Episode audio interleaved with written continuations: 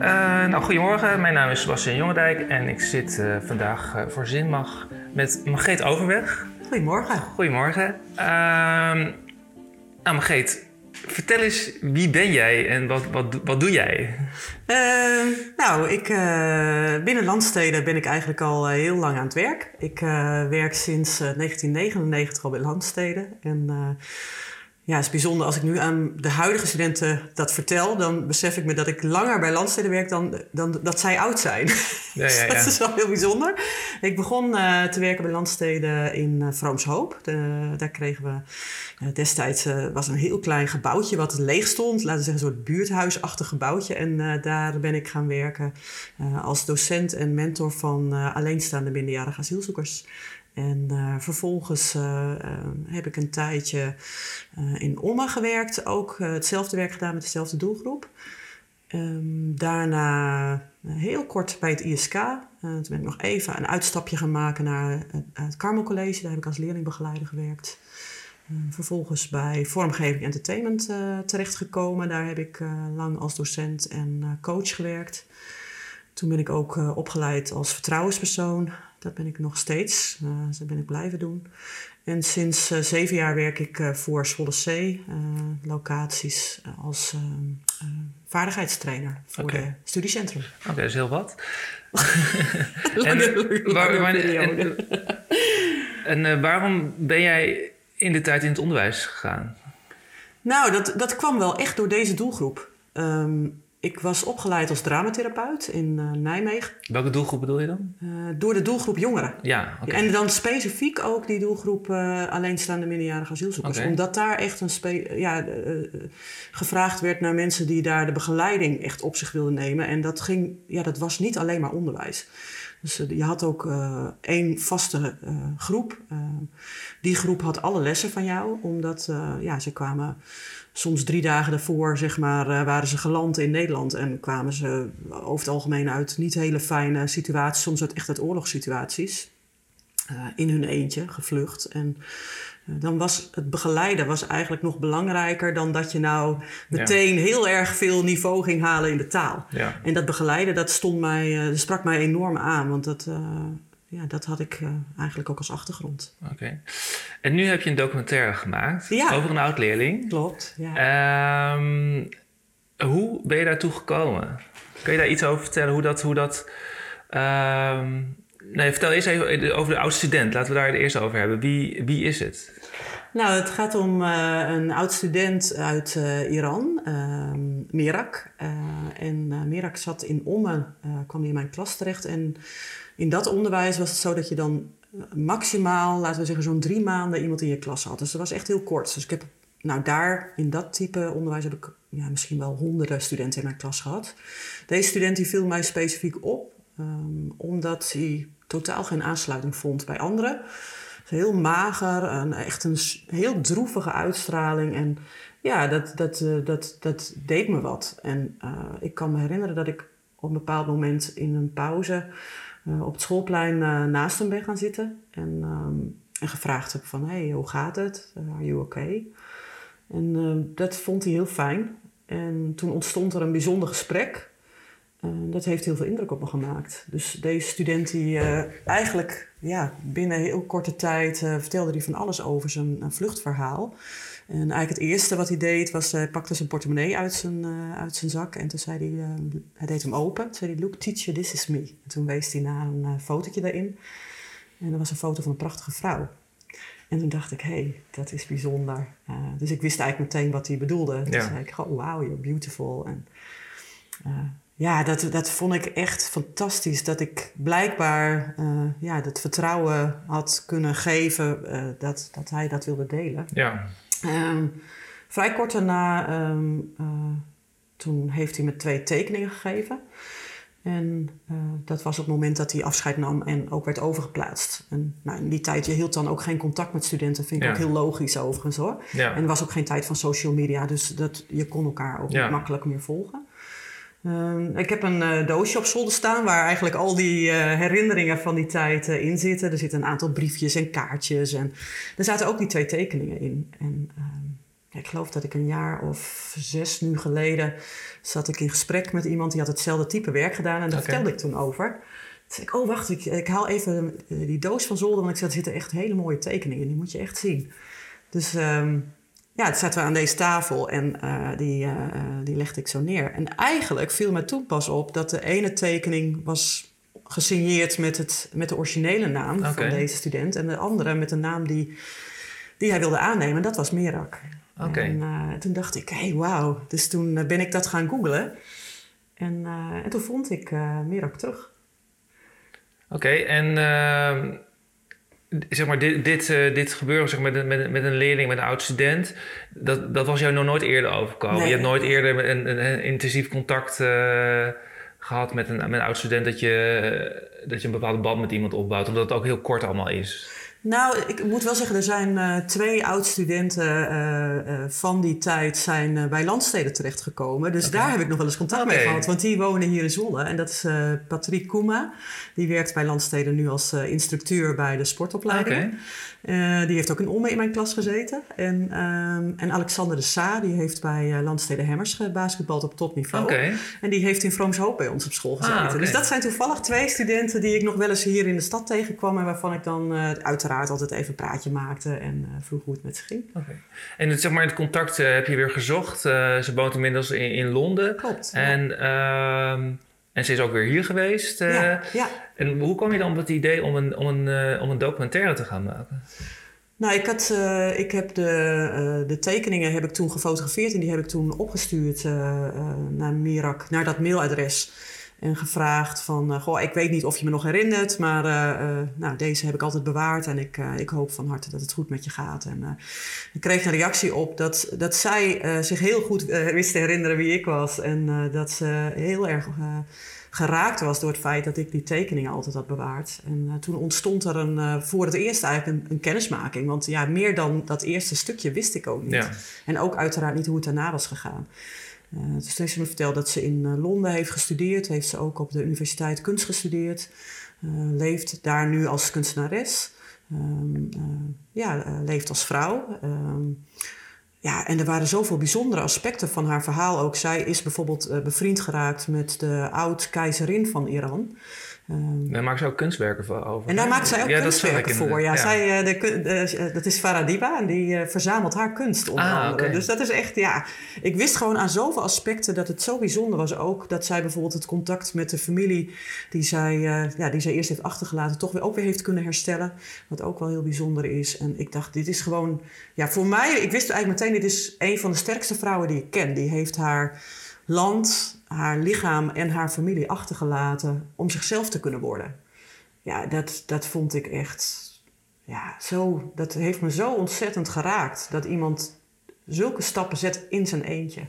Ja. En, uh, en toen dacht ik, uh, toen we het contact zo wat uh, aan, ja, aangehaald is, het ook eerst nog heel even verwaterd, later weer teruggekomen. Toen, toen merkte ik van, goh, het werd veel gelijkwaardiger. En, en toen ontstond er ook een vriendschap. En toen was ik zo brutaal om te denken: goh, als wij nou elkaar eens ontmoeten. Volgens mij kan haar verhaal heel inspirerend zijn voor anderen. Dus ja. heb ik haar gewoon gevraagd: van, okay. wat vind je ervan om het uh, vast te leggen? En toen, daar was ze al enthousiast over? Ja, ze was wel. Uh, ja, het is een hele bijzondere vrouw. Ze heeft ontzettend veel humor. Het is een hele inspirerende vrouw. En uh, ja, wat ik heel mooi aan haar vind, dat ze zei van... Goh, als er één iemand is die ik hiermee kan inspireren... Dan, dan zou dat misschien best wel heel mooi kunnen zijn. Dus dat was voor haar wel zoiets van, nou, we gaan het doen. En ik heb ook meteen gezegd, uh, nou, ik wil het heel kleinschalig doen. Dus ik heb, het, uh, uh, ik heb twee oud-collega's van, van Vormgeving Entertainment benaderd. Peter Evers en Doreen Boerema. die waren mijn collega's daar en die zijn inmiddels gepensioneerd of zij mij wilde helpen met het maken van de documentaire. Want ik dacht, ik wil wel dat het heel vertrouwd is en dat het heel klein is. En dat ik, ik zeker weet dat, dat het contact goed zal Ja. zijn tussen hen. Ehm, en ik heb meer direct beloofd, we maken het voor onszelf. En uh, als je tevreden bent en je denkt, uh, het is oké, dan, uh, dan kunnen we het aan anderen laten zien. Maar tot op het allerlaatste mag je zeggen, dat wil ik eigenlijk Ja. niet. En hoe heb je dit, hoe, heb je ooit iets eh, dergelijks eerder gemaakt? Wist je hoe je dat moest aanpakken? Nee, echt totaal niet. Hoe, hoe- nee, nee. Dus, Dat dus was- hoe, hoe heb je dat gedaan? Nou ja, ik weet je, ik, dat is misschien stom, maar ik vraag van mijn studenten ook vaak hele dappere dingen. Ja, En eh, ik dacht, ik ga het gewoon doen. Ik ga het gewoon maken. En aldoende kom ik vast erachter hoe dat werkt. Ehm, ja, weet je, als ik het nu terugkijk, dan zijn er best wel dingen dat ik denk... eh, oh ja, dat is misschien niet helemaal duidelijk zo. Of, goh, waarom zijn we dat eigenlijk vergeten? Of, ja, het is, het, ik vind het een vrij fragmentarische documentaire geworden. Maar ik ben er wel heel trots op. En er zitten gewoon echt hele mooie eh, momenten in die, eh, ja, die mij inspireren, die mij ook nog steeds raken. En die volgens mij voor een ander ook de moeite waard zijn om te zien. ja en wat zou zeg maar, als een docent nu op het ISK zit en die zou dat zien, wat, wat, zou die, wat, wat hoop je dan dat hij, nou je hoeft niet per se een ISK-docent te zijn natuurlijk, Mhm. maar wat, wat, wat, wat zou je willen dat ze meenemen uit zo'n verhaal, een docent?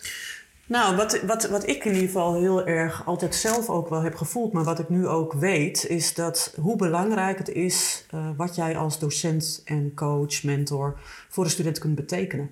En dat elk moment dat jij die persoon ziet en dat je hem eh, echt ziet en, en, en, eh, aandacht geeft, dat die van onvoorstelbaar grote waarde kan zijn.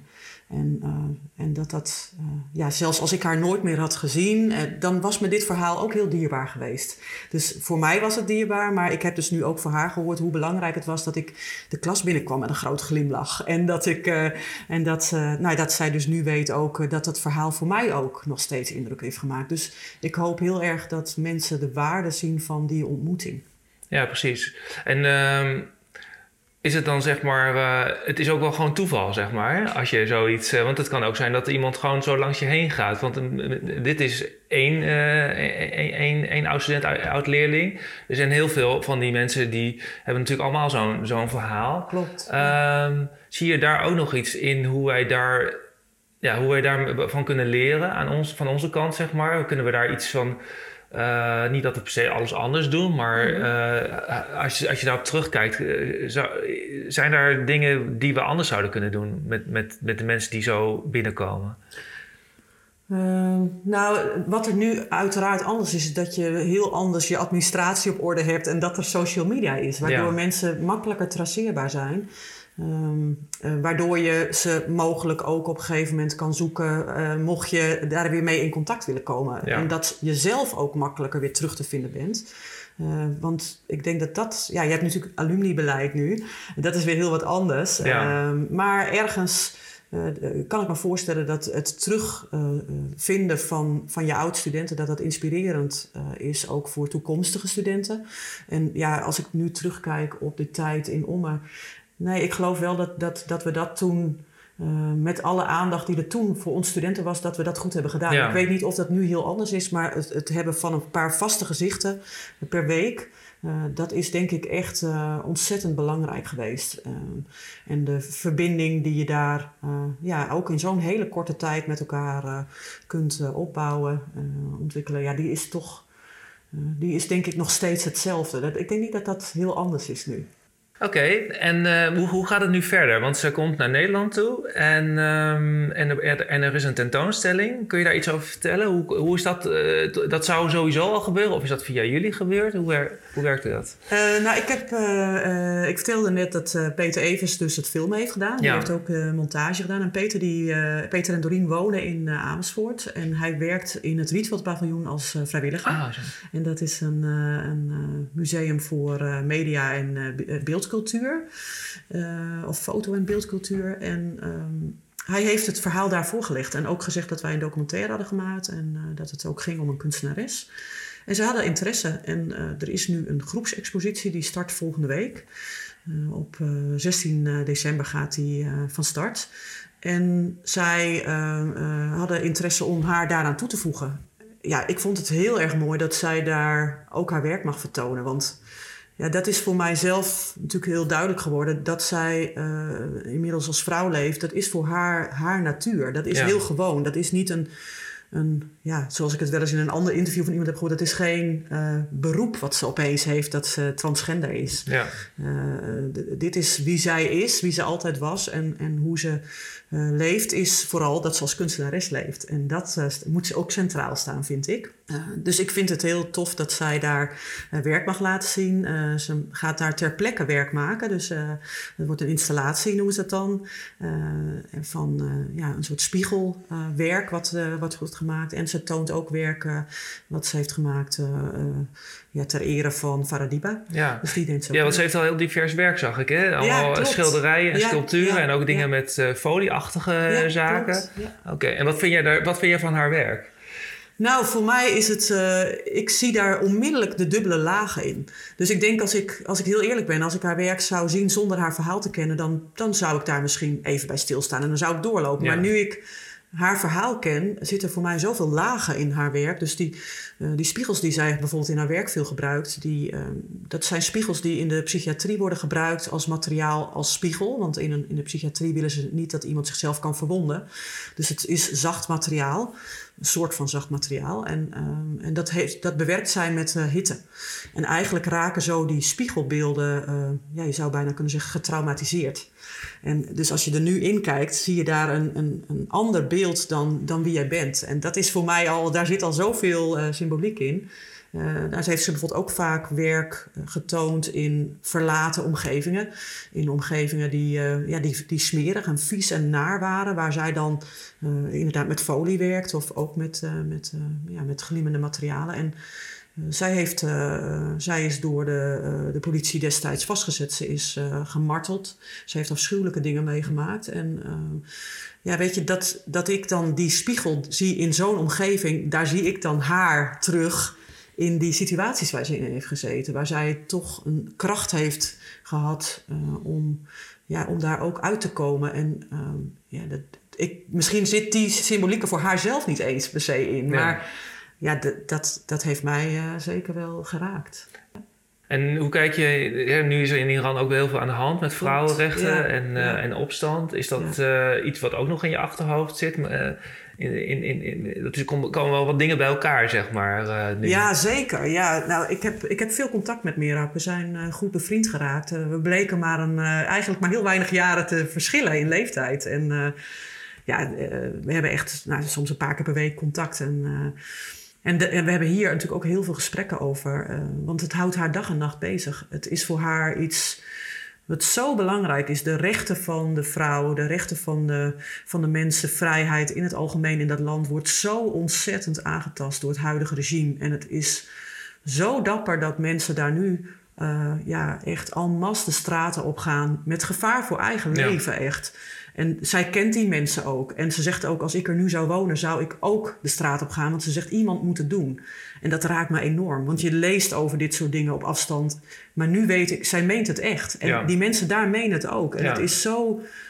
Ja, het is zo heftig uh, hoe die onderdrukking daar plaatsvindt. De, de, de zedenpolitie die, die ingrijpt, die was er ook in de tijd dat zij er was. Hè? Die, die bepaalde de ene keer dat jouw uh, mouwlengte goed was, maar de andere keer dat die niet goed was. En ze heeft me bijvoorbeeld verteld uh, dat, dat zij als kind daar op straat was. En dat als iemand dan een te korte rok had, werd hij apart tegen een muur gezet. En daar werd met een blauwe spuitbus, werden de benen blauw van gespoten. Zo van, hé, hey, dat zal je leren.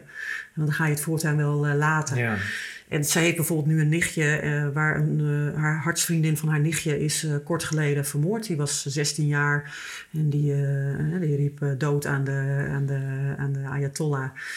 met een paar medestudenten liepen zij op straat om, om ook protesten aan te tekenen tegen ja, hoe het daar nu is. En die, is, die is daarbij overleden. Hmm. Ja, dat is ontzettend heftig. Heel heftig. Het is heel ingrijpend en het, het houdt haar dag en nacht bezig. En, en ze heeft momenten dat ze er niet van kan slapen, echt. Ja. Ja.